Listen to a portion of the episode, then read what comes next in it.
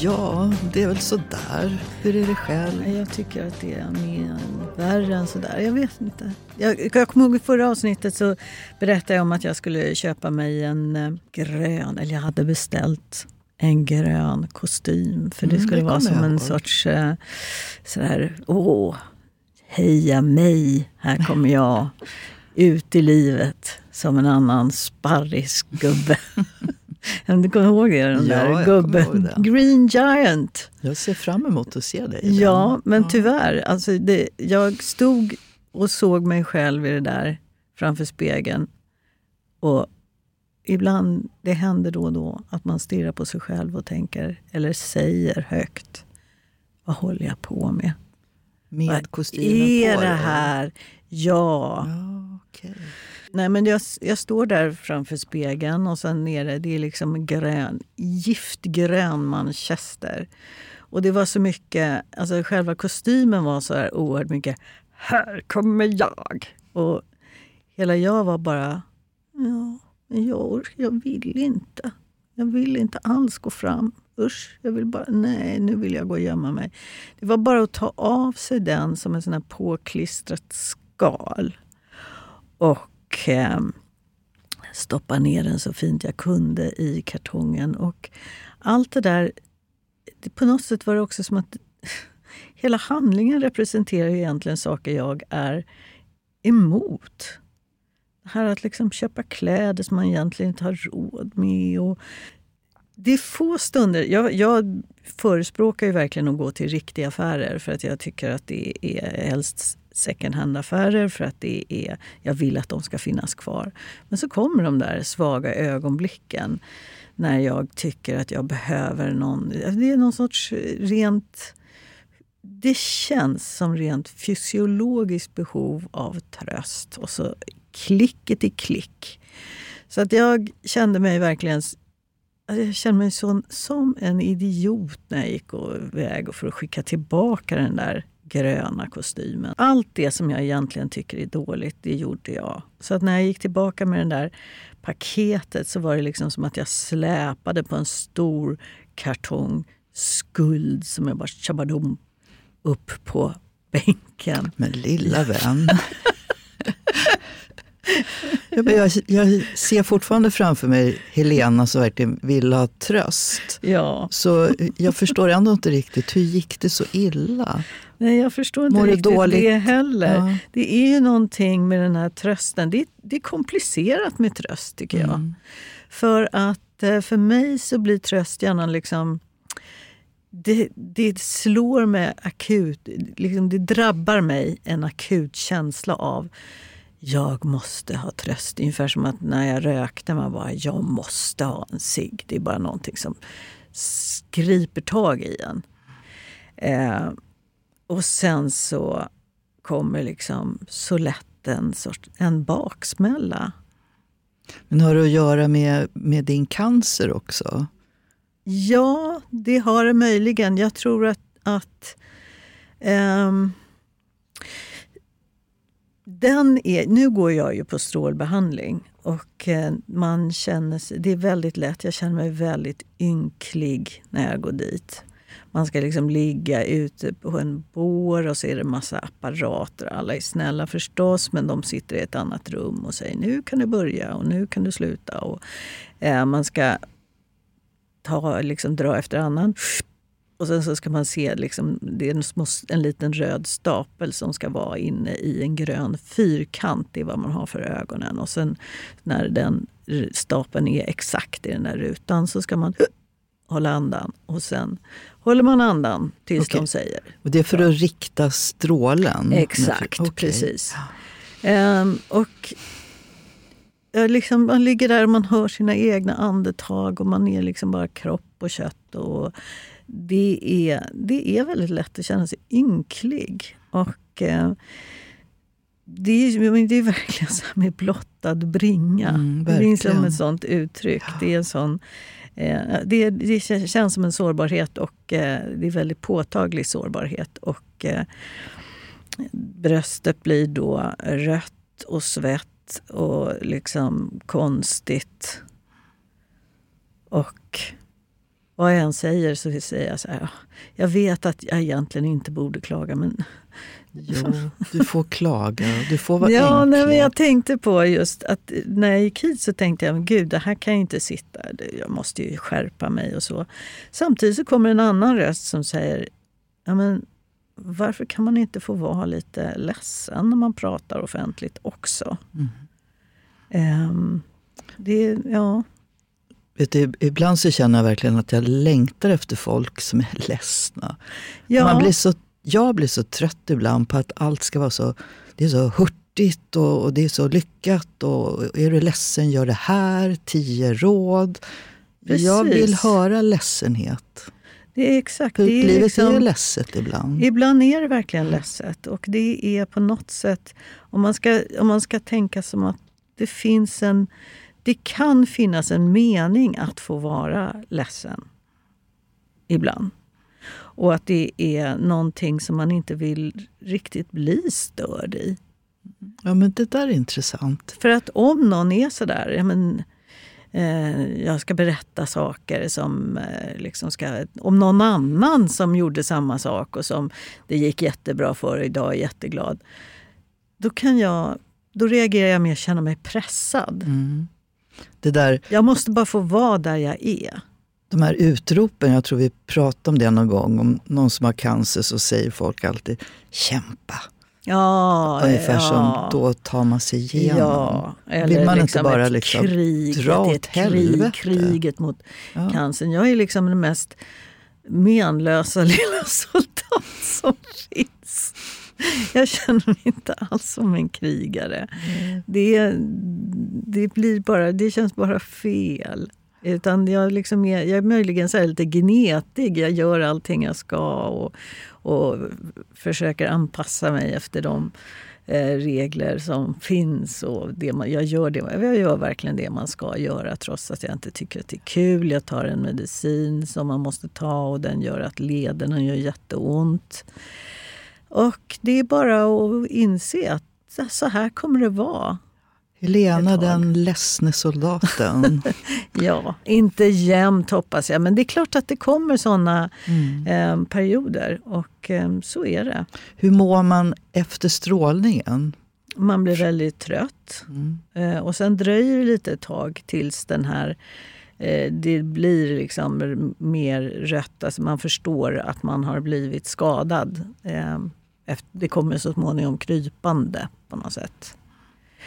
Eh, och då får man smörja in det med någon kräm och hoppas att det blir bättre. Men ja, det är som det är. Men jag kan hålla med dig om att jag kan också längta efter att folk inte är så eh, glättiga jämt. Att det är, jag, jag har väldigt svårt till exempel för såna här talkshows.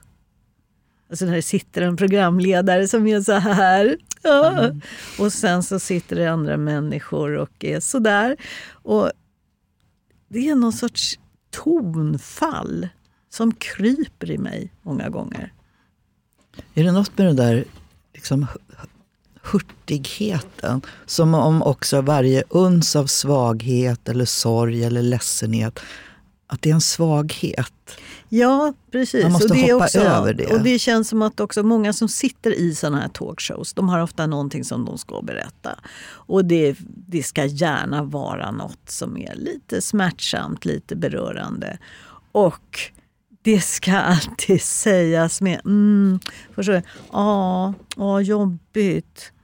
Och sen så småningom så ska det bli Ja, vad fint av dig att Fint berätta. av dig att berätta. Dela Ja, det är någonting, oss. jag vet inte. Jag, jag, jag, jag tycker att det är så fa- falskt på något sätt. Jag hör aldrig i det levande livet den typen av samtal. Det kanske är meningen, varför skulle tv vara som levande livet? Men för mig känns det bara som eh, mm, tillgjordhet. I morse var det hon eh, Berg och Gynning som satt och pratade om sin podd. Ja. Och så tyckte jag också Ja, att eh, det var så eh, superhurtigt. Och de sa liksom att ja, nu sitter vi här och pratar och, och eh, det, vi har jättemånga följare och det känns som om de är en del av vår familj. Så man kan säga precis allting, för de förstår. Och då kände jag, nej, är det verkligen så? Nej, Och så jag, tänkte jag på dig och mig. ja. Men herregud, vad ska vi göra? Måste man? Och de ska ut på turné nu. Och det är massor med ställen, utsålda stora ishallar. Vad ska, vad ska vi sitta och, vad ska vi sälja ut och sitta och liksom vara oh, nej. Och jag blev arg på mig själv lite också. Varför blir jag så provocerad av det? Men jag, jag blev det. På något. Men är det, jag, jag kanske beror också, på hur man själv mår och vilken liksom, känslodel man är i själv. Men jag blev provocerad. Mm, jag blir också ofta provocerad. Det som jag blir provocerad av det är att jag tänker att det här är inte sant. Jag tycker att det är svårt att se saker som inte i någon mening verkar äkta. Utan det är, det är som en, att se på någonting som är troligt tillgjort. Ungefär som om man träffar, om du träffar en människa som är så här, hej Mona, trevligt, trevligt, vad roligt att se dig. Va? Eh, eh, du reagerar med att backa i ett sånt läge. Ett poddtips från Podplay. I fallen jag aldrig glömmer djupdyker Hasse Aro i arbetet bakom några av Sveriges mest uppseendeväckande brottsutredningar. Går vi in med hemlig telefonavlyssning och, och då upplever vi att vi får en total förändring av hans beteende. Vad är det som händer nu? Vem är det som läcker? Och så säger han att jag är kriminell, jag har varit kriminell i hela mitt liv men att mörda ett barn, där går min gräns. Nya säsongen av Fallen jag aldrig glömmer på Podplay. Jag jag har också varit lite deppig och ledsen ett tag. Eh, Och jag sökte mig då till Cirkus kvällen där Shima Nyavarani hade sin show då, som heter Shima Åh, den is skulle jag a också punk vilja se. rocker. Ja, Den verkar jättekul. Men det var någonting med det. Hon, hon är så otroligt rolig och, och sorgsen och svår. Hon börjar med en tecknad film där hon i Iran springer in till en eh, butik för där hade hon hört att det fanns en VHS-kassett med Michael Jacksons thriller. och det var ju jätteförbjudet. Mm. Och hur de flydde och hamnade uppe i Örnsköldsvik med skidor och snö. Och därifrån till... eh, Hon ligger i en säng och låtsas att hon onanerar med vitt spridda ben till Casablanca och Ingrid Bergman och Humphrey Bogart. För att det förhållandet där man var Folk var ihop i 30 år och de sörjde varann och stod vid hamnar och vinkade. De tyckte det var så sexigt Ja. och så annorlunda. Ja. Och sen så slutar föreställningen med en lång, lång historielektion om Iran. Om shahen av Iran, om Khomeini. Och det här att kunna förena det där hysteriskt roliga skrattande, detta otroligt sorgliga och plötsligt en folkbildare på scen med Shima is a punk rocker skrivet på ryggen. Jag var så imponerad. Och jag gick därifrån kanske ledsnare än vad vad jag var när jag kom. Men jag mådde bättre Ja. än när jag gick dit. Och jag tänkte mycket på det där, varför underhållning... Varför inte fler försöker förena det Ja. där? Jag tycker Jonas Gardell i sina bästa stunder är precis så. Ja, ja, verkligen. Eh, Ja. Edvin Törnblom. Har du sett honom? Nej, jag har läst Nej. om honom och tänkte. Men eh, att se en, en tjej, en kvinna, Mm. på det sättet, det där utlämnande, sorgliga, häftiga sättet som Mm. Shima. Ja, det fyllde mig, måste jag Mm. säga. Med både sorg och glädje. Och kände mig mer levande på något vis. Jag tycker det lät helt underbart. Och jag, jag tycker också att det som, det som gör... Det finns ju någonting som att och någonting känns sant. Även om det, jag menar, det kan ju finnas någon väldigt teatrala saker som faktiskt känns sant. Men vad, tro, vad tror du? du? Du pratade med om du, du var ledsen Mm. eh, av förklarliga skäl. Mm. Är det inte ibland så då att då vill man få bli ännu ledsnare? Att Jo. inte någon står och hojtar bredvid. Utan är man ledsen, ja, men låt, låt, låt den få vara ledsen då. Mm. Därför att någonstans i den där ultra jättestora, gigantiska, monstruösa sorgen och ledsenheten så hittar man ju ut. Ja, det slut. gör man. Och det sägs ju också att liksom, den typen av ledsenhet det är ju en process. Alltså, det är någonting som händer under tiden. Man sörjer någonting. Och eh, sen säger man ju att depression, då är det statiskt. Det är ingen process, utan man, står liksom, man har fastnat.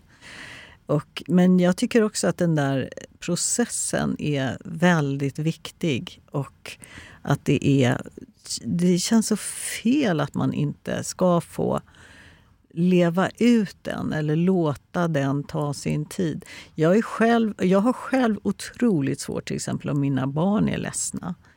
Så kan jag tänka att jag... jag det, jag måste, jag bara säger till mig själv, jag måste låta dem att få vara det.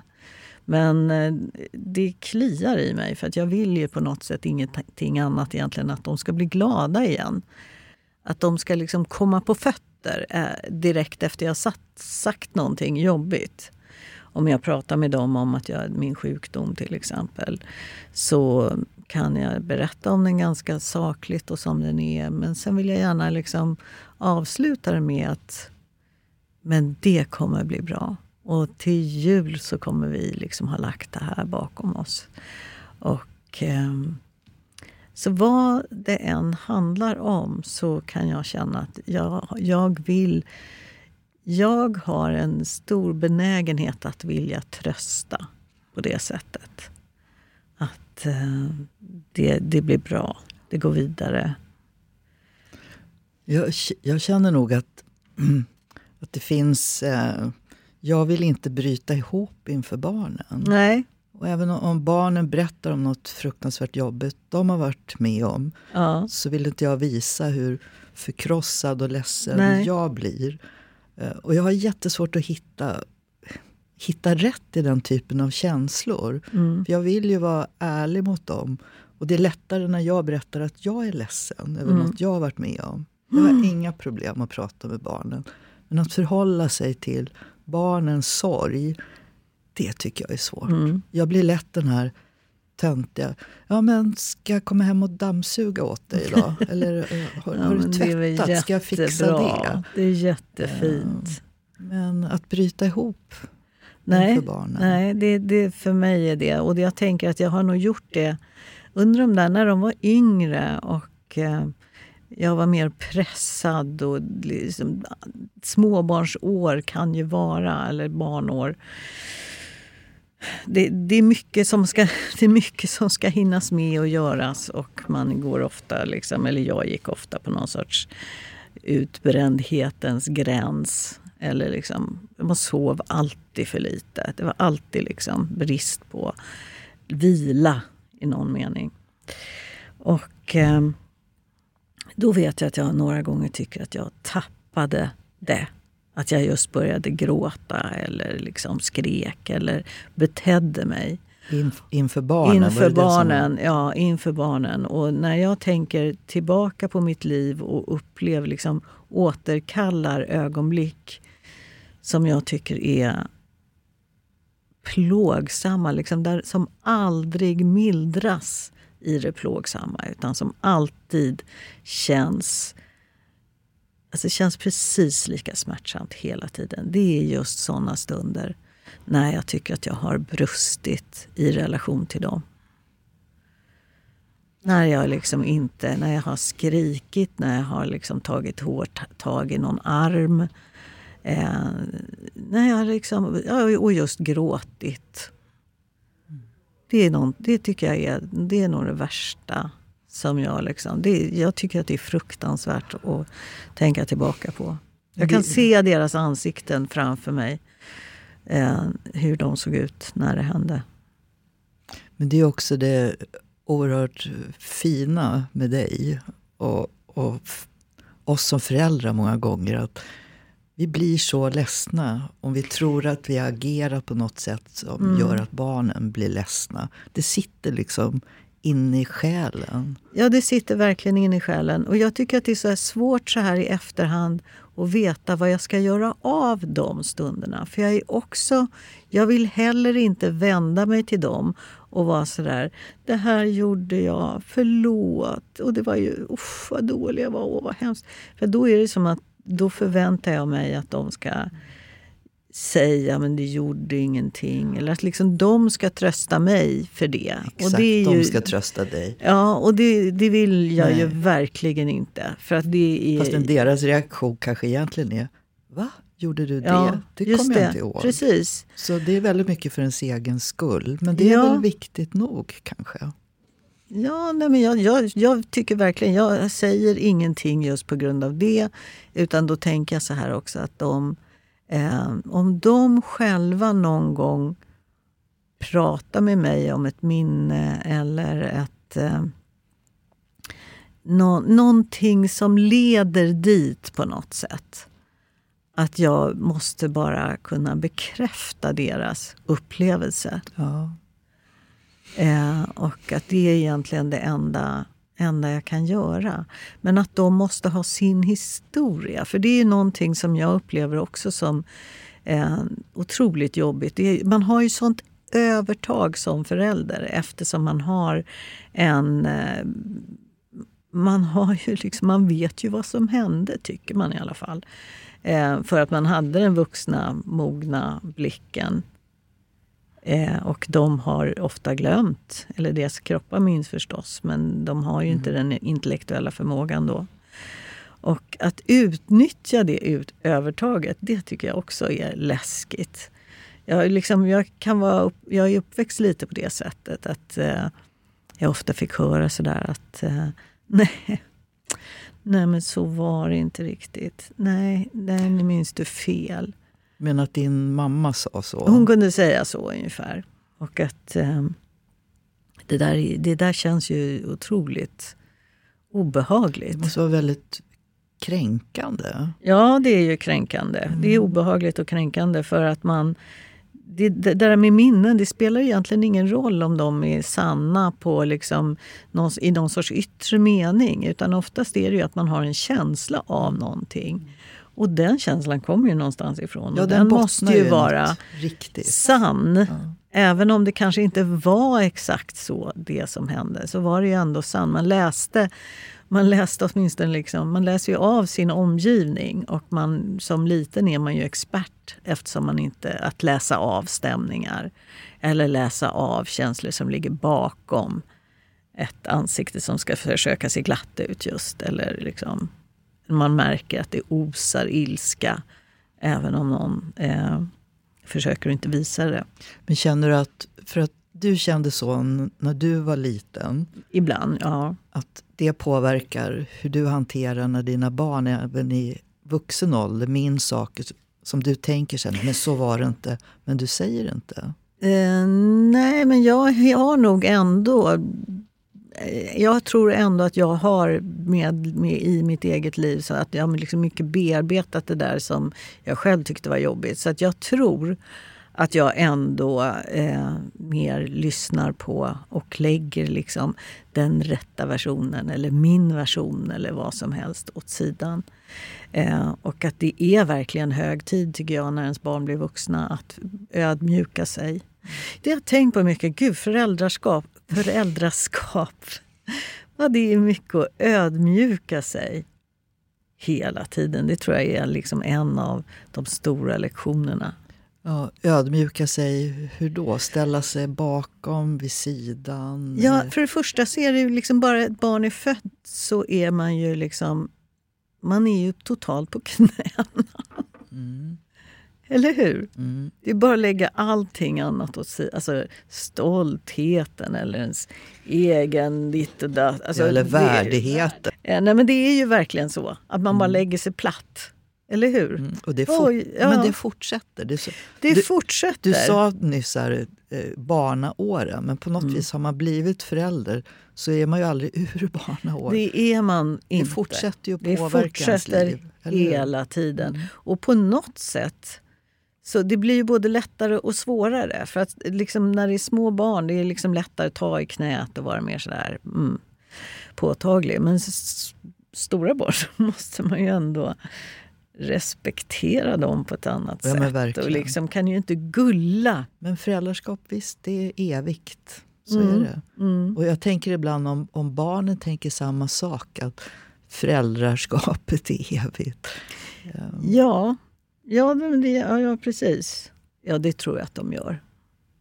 Tror du inte det? Jo, jag tror det. Ja. Jag tror vi är ganska lika där, både barnen och föräldrarna. Att vi ingår i en symbiotisk förhållande som bara Precis, pågår. men däremot så kan jag tycka att ofta beskrivs det där förhållandet som mer statiskt än vad det egentligen är. För det som är spännande med ens relation, med relationen till ens barn, det är ju att det är också en relation som utvecklas. Som har toppar och dalar, men det, det, den är ju inte... Ja, den är, det, man får ju återerövra någonting hela tiden. Och eh, när de blir större, då, då, liksom, då hittar man ju ett annat sätt. Mm. Ett poddtips från Podplay. I fallen jag aldrig glömmer djupdyker Hasse Aro i arbetet bakom några av Sveriges mest uppseendeväckande brottsutredningar. Går vi in med hemlig telefonavlyssning och, och då upplever vi att vi får en total förändring av hans beteende. Vad är det som händer nu? Vem är det som läcker? Och så säger han att jag är kriminell, jag har varit kriminell i hela mitt liv men att mörda ett barn, där går min gräns. Nya säsongen av Fallen jag aldrig glömmer på Podplay. Men beroendet, oron, kärleken, förhoppningarna. De blir ju bara samma. starkare på något Ja, konstigt ja, sätt. jag kan faktiskt hålla med dig om det. Att eh, de blir, de blir starkare. Det är... ehm, Jag tänker på liksom när barn är små, då har man ju den här kärleken. Den liksom finns ju hela tiden på ett sorts vardagligt plan. När de har flyttat hemifrån, då är det som att den där kärleken svävar ju runt liksom utan någon kropp att landa i, för den kroppen är någon annanstans. Och då, då, då kan jag känna ibland att jag bara jag tittar på en bild av någon av dem och bara... "Ugh", man blir så här... "Ugh". Hur då? Y. Nej, jag, bara så här, jag, jag kan bara liksom känna att Åh, kärleken bara älskar dig. flödar. Ja, Ja. exakt! Åh, vad jag älskar dig! Åh. Och den här töntiga oron som också får... Jag kan ju fortfarande med mina vuxna barn, om jag läser någonstans att någon eh, har råkat illa ut någonstans i världen så måste jag kolla. Eh, du är väl inte där? Mm, Hela tiden. mm. Mer än vad man själv råkar ut Ja. för. Så låtsas man att man kan vara den där supermorsan som griper in och räddar och skyddar. Och... Men tänker du nu Tänker du också så här ibland att nästa steg, det, det är ju någon, både du och jag är ju lite sådär, okej snart börjar man... Bli lite du- gammal. Ja, Ja. det, ibland tänker jag så här, det kommer ju komma smygande en annan fas. När man själv blir mer och mer hjälpsökande. Mm. Och när också barnen betraktar den på ett annat sätt. Det har Ja. jag börjat märka. Ja. När jag till exempel skjutsar en av mina barn någonstans en sen kväll och sen Mm. åker hem igen. Mm. Då ringer barnet och frågar typ tre gånger. Är du hemma nu? Har du kommit hem nu? Du, Ja. Har du låst dörren? Är du hemma nu? Ja. Eh, Och då känner jag plötsligt, ska de ta hand om mig nu? ja. Vilket de ju ska i någon Ja. mening. Men det är inte helt trevlig känsla Nej, jag. jag, jag kan också känna sådär att det finns någon, liksom att man puttas undan Mm. lite från den där självklara platsen. Att man är ändå den som reder ut saker och ting. Jag ska vara den som erbjuder städhjälp, inte att barnen Nej, frågar om de kan städa hemma hos mig. Då blir jag just förbannad. Ja, ja. Nej, men det, ja, det förstår jag. Det skulle nog jag också bli lite sådär. Mm, Ja, jag vill ju ändå vara den som... Och jag märker till exempel såna här små saker som att om vi går ut och fikar eller äter, då vill jag alltid betala. Ja.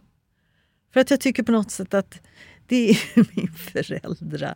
Det är min liksom, mitt privilegium som förälder känns det som. Att vara den som gör det. Och det, i det så finns väl en sån här idé om att det ändå, det blir väl liksom någon sån här maktgrej kanske.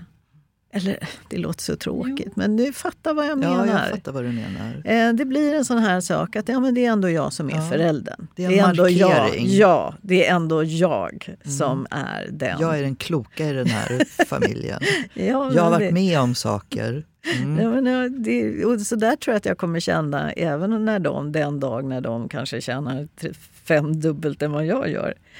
Eh, så tror jag ändå att jag kommer känna så. Nej men inte kan du betala det här. Nej, nej, nej. Ge notan till mig.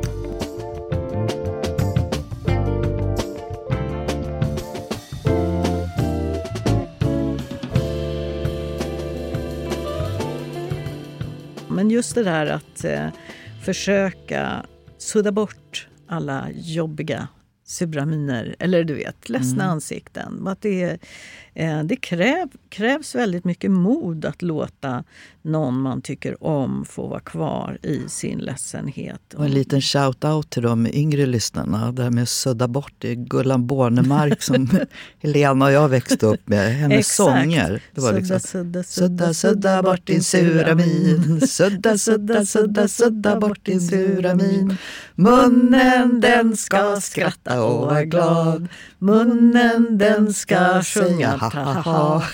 Ja, men gud, vilken sammanfattning av våra uppväxt. Ja, verkligen våran samman, vilken sammanfattning. Men eh, sen har jag läst senare att det fanns en viss mening med det här. Att om man försöker Skratta. skratta och vara glad. Det finns ju inom beteendevetenskapen vad jag har förstått en viss förkärlek till att man ändå ska försöka le och se positiv ut. Och så ska man liksom bli det mer. Jag vet inte, tror du på det?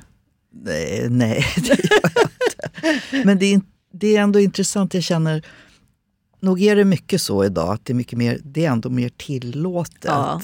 än för våra föräldrars generation och kanske när vi var yngre med.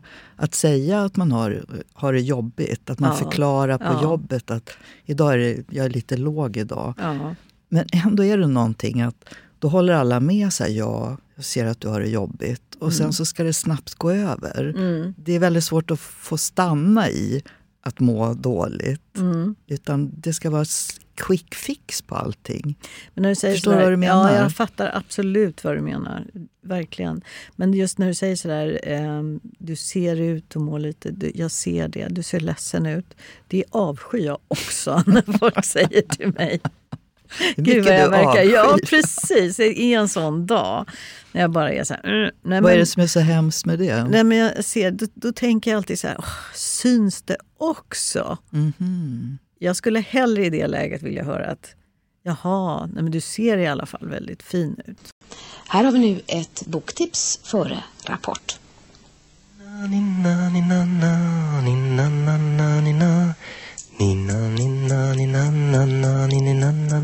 Jag glömmer aldrig när min äldsta dotter, hon är nu 45 år, eh, och eh, min pappa då, Hasse, skulle passa henne och då hade köpt henne en ny bok som han skulle läsa då och den handlade om musen Malla. Och musen Malla dör på sidan ett. Och sen så förmultnas musen Malla gradvis och så kommer det insekter och äter på Malla och sen till slut så finns inget kvar av Malla utan det blir en blomma som växer upp. Och jag glömmer aldrig min pappa. Han sa, vad köper det? Jag började läsa boken men redan på andra sidan. Så vill, och Ann-Sofie här, men fortsätt läsa, fortsätt läsa morfar. Och det var också den där känslan av, vad, hur, hur pratar man om, om det? Och måste man göra liksom barnböcker om musen Malla som dör? Jag dör i ett sak, men just där förmultna Ja, på något sätt. Det är, Som Hasse, min pappa, man kallar honom alltid Hasse. Han tyckte, det- jag tror den var 24 sidor. Han sa att de två första var okej, men sen plågades han igenom. Ja, det men det där har ju hemskt. alltid varit en evig frågeställning. Det var lite det jag tänkte Mm, på. Mellan vuxna och barn och just det. om man, döden. Ja. Och hur pratar man om den? Och, och sen har man samtidigt en stor mängd människor också i vårt eget land som verkligen kommer ifrån krig och fruktansvärda Mm. upplevelser där döden är en helt annan livsupplevelse Mm. än den här som vi alla måste känna förstås. Att en dag ska vi alla dö. Det är inte så dramatiskt att säga. Men Mm. Nej. att uppleva det är ju någonting annat. Ja, ja, absolut. Musen Malla. Musen Malla. Just det här när någon dog. Jag kommer ihåg, när min morfar dog. Eh, det var så här dramatiskt. Min mamma liksom svarar i telefon och jag hör hur hon börjar jättegråta. Och vad kan jag ha varit? Sju år kanske.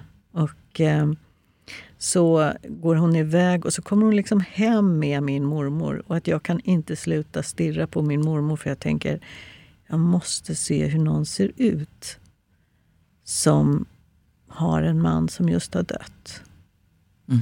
Eh, och att jag tänkte så här, men hon, eh, hon ser ut som vanligt. Jag vet inte vad jag hade förväntat mig. Men eh, att det skulle synas på något sätt.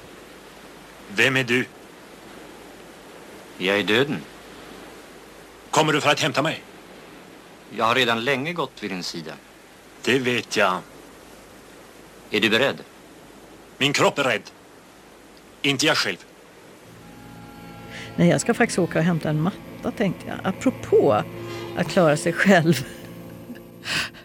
Så tänker jag att den ska hämta själv. En liten matta ja, som jag ska ha i mitt sovrum. Som jag har köpt på en Mattor kan vara tunga. Ja, precis. Så jag tänker nej, jag ska ta den själv och stoppa in. Och jag ska faktiskt eh, ta en promenad över Västerbron och gå så långt jag orkar idag. Det är inte skönt ute, men är- det vet du redan. Jag vet, jag har Ja. förberett med regnjacka, Bra. är med. Så att jag känner att eh, jag kan gå långt fortfarande. så då ska jag göra det. Jag kommer kämpa med mattan och du kämpar med snålblåsten. Så reder vi ut nästa vecka hur det gick. Ja. Hej då! Hej då!